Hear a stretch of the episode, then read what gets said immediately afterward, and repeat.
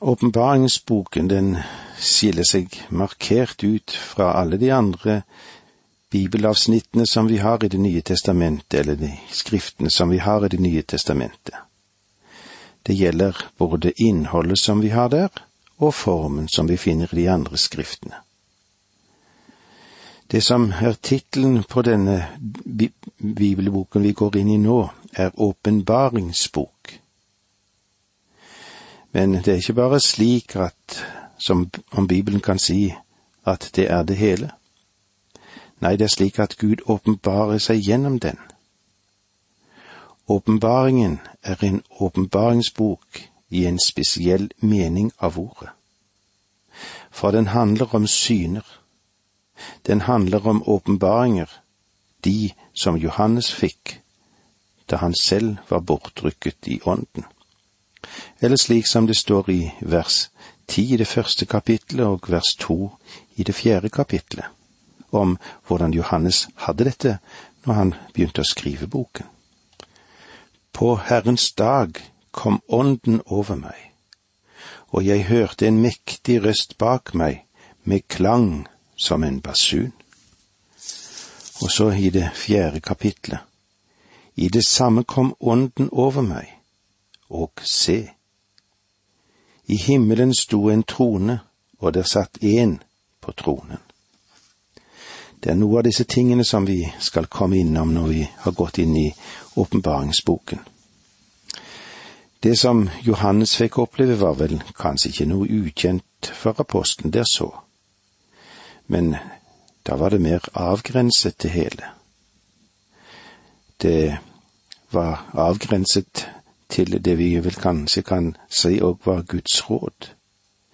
Eller slik som det var, de fikk jo òg åpenbaringen om å se hvordan Jesus vandret frem til den fullkomne seier.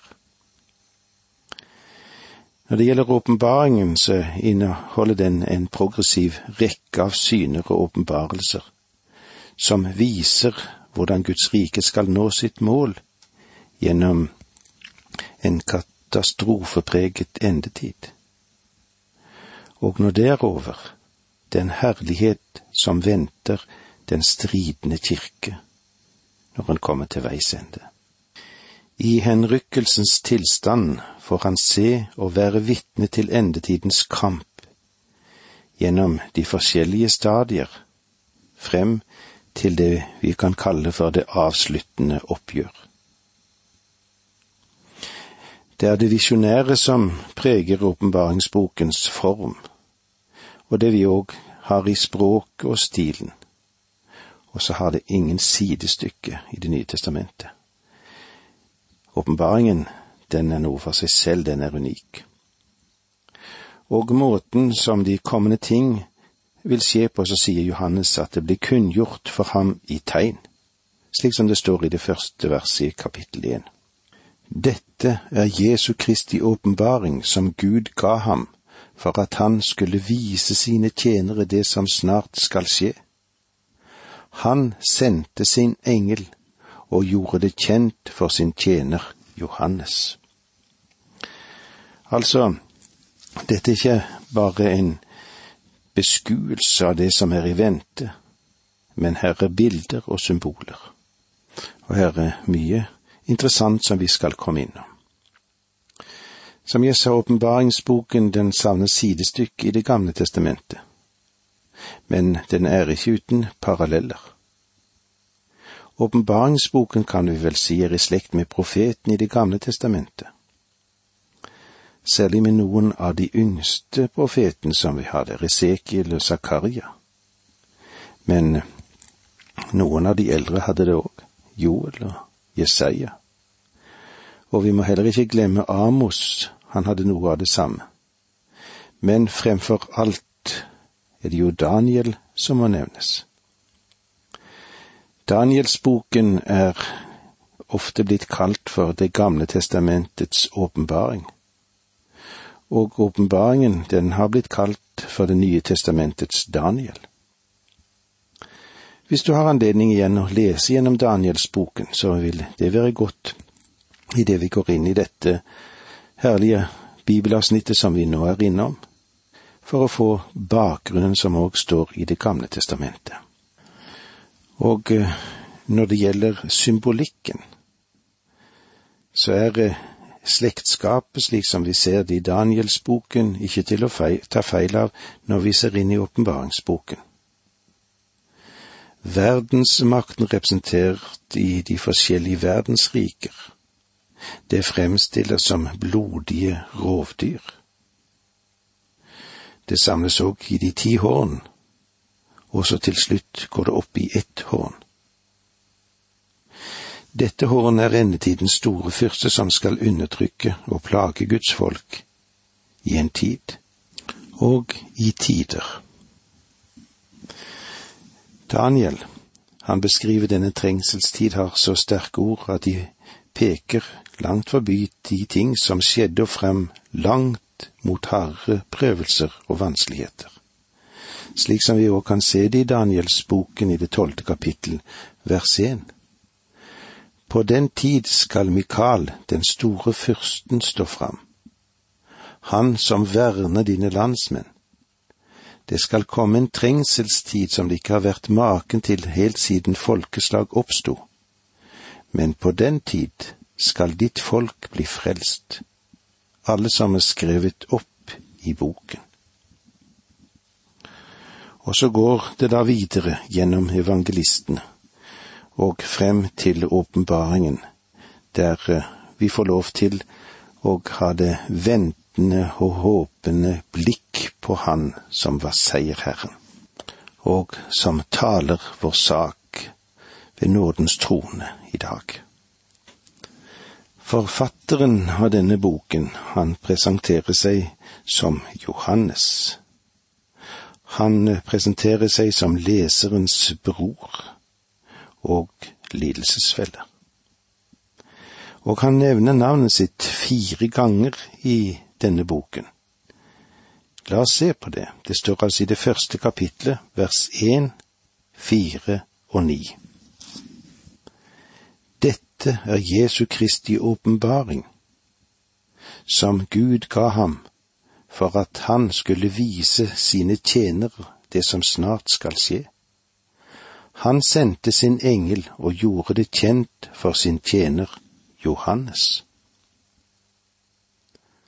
Johannes hilser de sju menigheter i provinsen Asia. Nåde være med dere og fred fra ham som er og som var og som kommer, og fra de sju ånder som står for hans trone. Vers ni Jeg, Johannes, som er deres bror og har del med dere i trengselen og riket og håpet i Jesus. Jeg var på øya Patmos. Dit var jeg kommet på grunn av Guds ord og vitnesbyrdet om Jesus. Og så har vi i kapittel 22 vers 8.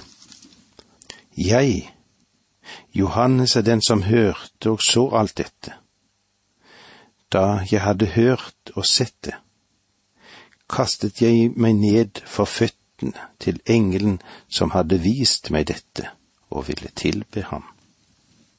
Og ser vi nærmere på Johannes, så regner han helles, ellers med at det er åpenbart at han vil være kjent så noen nærmere beskrivelse av ham, det så han på som å være unødvendig. Men apokalypterne, de var sterkt opptatt av tilstand i den evige verden, med himmel og helvete. Åpenbaringen den viser her den samme tilbakeholdenhet som Skriften ellers har. Synene som kommer til uttrykk, de er konsentrert om Herrens gjenkomst, og det som hører sammen med den som et, er et forvarsel, og forvarslene de gjør det slik at vi skal være forberedt og ta følgen av det. Det var så langt vi kom i dag. Takk for nå, må Gud være med deg. Dette undervisningsprogrammet består av to deler. Åge Nevland fortsetter nå med andre del av dagens undervisning. Vi er inne i Johannes' åpenbaring, og når vi er i åpenbaringsboken, så kan en kanskje ha en følelse av å være litt engstelig for hva kommer denne boken til å gi oss? Det er en spennende bok. Det er vel først slik for mange av oss at en liker å lese, og bøker kan jo være veldig interessante, kanskje bøker som er fortettet med innhold. Hovedpersonene som ofte dukker opp i bøkene, kan ha kommet opp i en umulig situasjon. Og det kan jo være slik at en ikke helt forstår hva forfatteren kan få ut av dette. Og så kan det være slik da av og til at han er litt spent på hvordan, hvordan vil nå dette egentlig hende, da?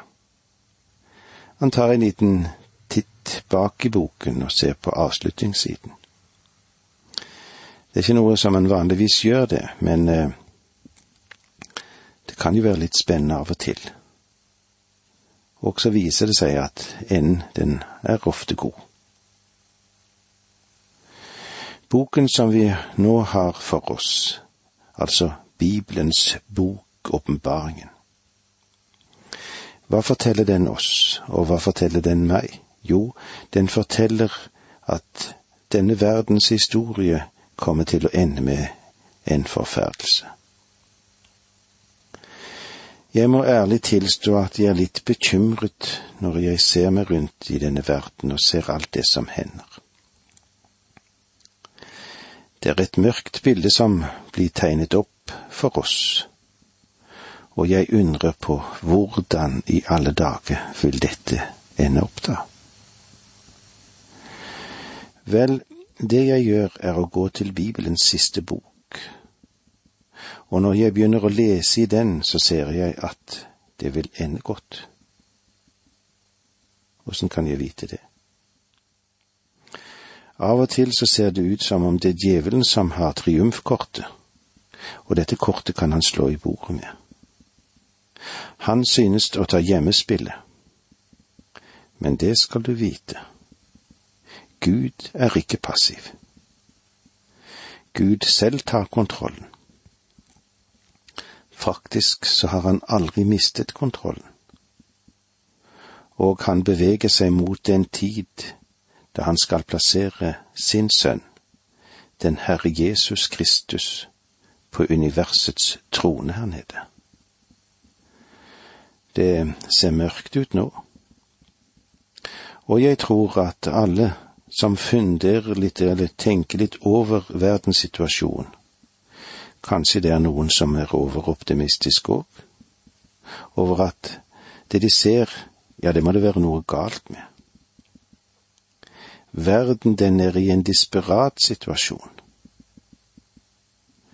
Men hvordan er det med oss? Er du pessimistisk når du ser fremover? Jeg er ikke pessimistisk, for jeg er åpenbaringsboken. Og jeg kan til alle tider si selv at jeg har stolt på den Herre Jesus Kristus. Vær ikke redd. Det kommer til å ende bra. Gud, han drar seieren i land. Derfor ønsker jeg å stå ved ham Calvin han formulerte det på denne måten. Jeg vil heller tape nå og vinne senere, enn å vinne nå og tape senere. Og jeg vil så gjerne si til dere alle sammen at jeg på, den, på denne siden som synes å tape slik som det ser ut, kan det være litt vanskelig av og til. Men du og du, vi skal være med i seieren til slutt. Grunnen til at jeg vet det, er fordi jeg har lest åpenbaringsboken.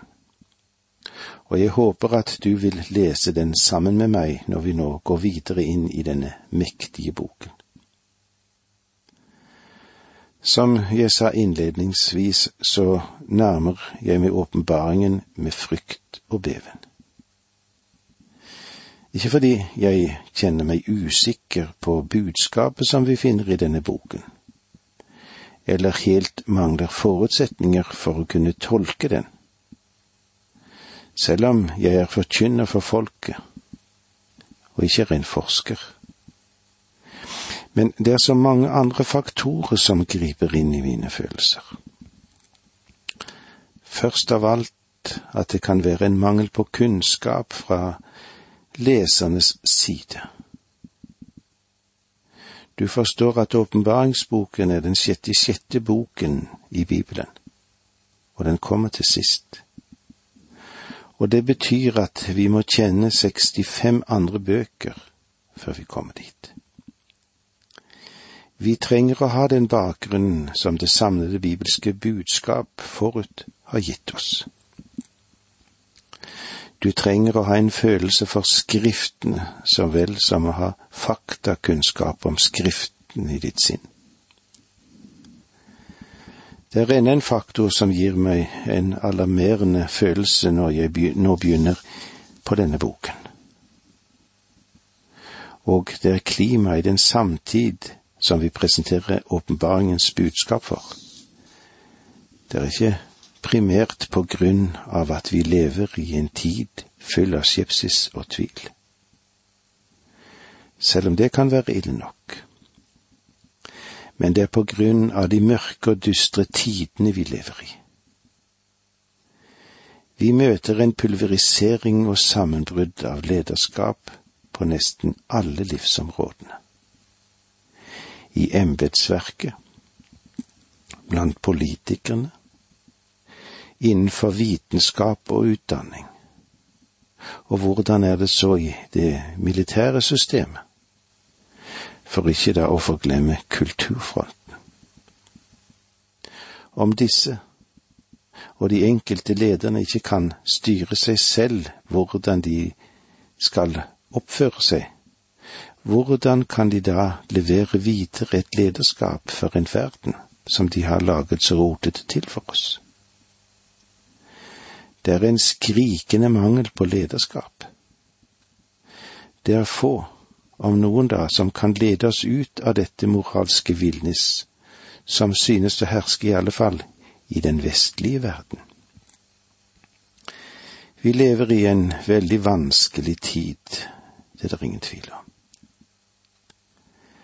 Det sies òg med en viss rett at våre dagers dommedagspredikanter ikke er forkynnere, men vitenskapsmenn.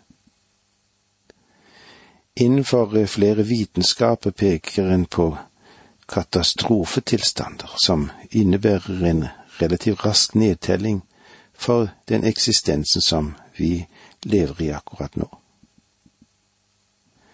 Og eh, de målbæres også gjennom det som Winston Churchill sa en gang. Tiden kan bli svært kort. I lang tid har menn og kvinner i ledende posisjoner i vår verden sett fremover og har sagt at vi nærmer oss en stor krise. Og om et resultat av at disse signaler hadde vært og blir kanskje en voksen interesse for åpenbaringsboken. Ja, det skulle iallfall være slik, men spørsmålet er hvordan i alle dager har vi det? Åpenbaringsboken og språk, ja, det er mettet med symbolikker. Og alt dette gjør jo boken til å være en betagende rik bok. Men om den er rik, ja, så blir den òg sannelig vanskelig. De symbolene som blir tatt fram, er ikke standardiserte former som rommer et bestemt, vedtatt meningsinnhold. En må anta at det er skapt, eller at det har gått sammen med visjonene slik de blir uttrykt hva Johannes opplevde under henrykkelsene sine. I denne enheten som vi kan se mellom innhold og form, skiller neppe åndens inspirasjon seg vesentlig ut fra det kunstneriske inspirasjonskildene som vi har. For eksempel det som står i første Korinterbrev 2, 9-13. Men det står skrevet, det intet øye så, og intet øre hørte, det som ikke kom opp i noe menneskes tanke. Alt det Gud har gjort ferdig for dem som elsker ham. Dette har Gud åpenbart for oss ved sin ånd. For ånden utforsker alle ting, også dybden i Gud. Hvem vet hva som bor i et menneske uten menneskets egen ånd? Slik vet heller ingen annen enn Guds ånd hva som bor i Gud. Vi har ikke fått verdens ånd, men den ånd som er fra Gud, for at vi skal forstå hva Gud i sin nåde har gitt oss. Og om dette taler vi, ikke med ord som menneskelig, menneskelig visdom har lært oss, men med ord vi har lært av Ånden, fordi det som hører Ånden til, tolker vi med ord som hører Ånden til. Og så kan spørsmålet for oss da komme. Kan det være slik at vi forstår forfatteren rett? Det er kjent at åpenbaringsboken har vært oppfattet og tolket på mange forskjellige måter. Selv om ting kan være dunkle, så må vi tro og leve i den forvissning at Han som har sagt Han vil åpenbare seg gjennom ordet for oss, vil òg være med når vi går videre inn i åpenbaringsboken. Og det var så langt vi kom i dag. Takk for nå, må Gud være med deg.